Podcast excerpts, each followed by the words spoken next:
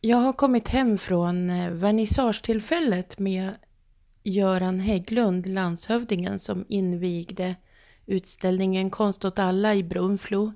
Ehm, vi, jag fick köra från Strömsund runt lunch med min lillgrabb i bilen. En och en halv timme ner till Brunflo. Det blev snabbmat i bilen och allt för att försöka hinna i tid till vernissagen och öppnandet klockan ett.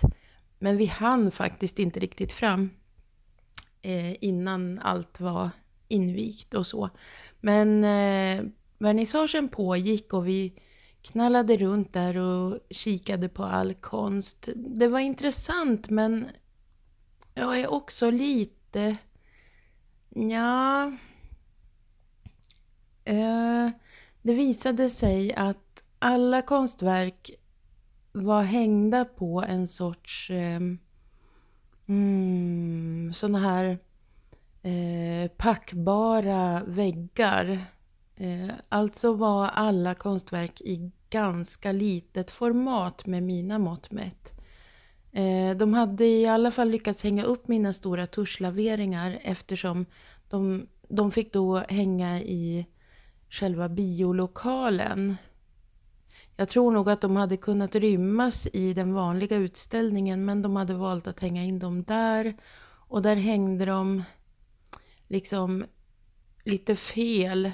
Uh, ja, de hade växlat håll på dem så det såg lite tokigt ut. Vilken som hängde till höger och vänster. De gör sig bara om man sätter dem på ett sätt.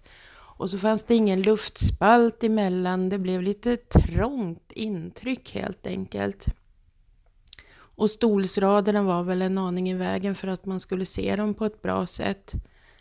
Mm, men ja, det var fullt av konstnärer där som var glada och det fanns vernissagefika och det var väl egentligen väldigt väl arrangerat och trevligt sådär.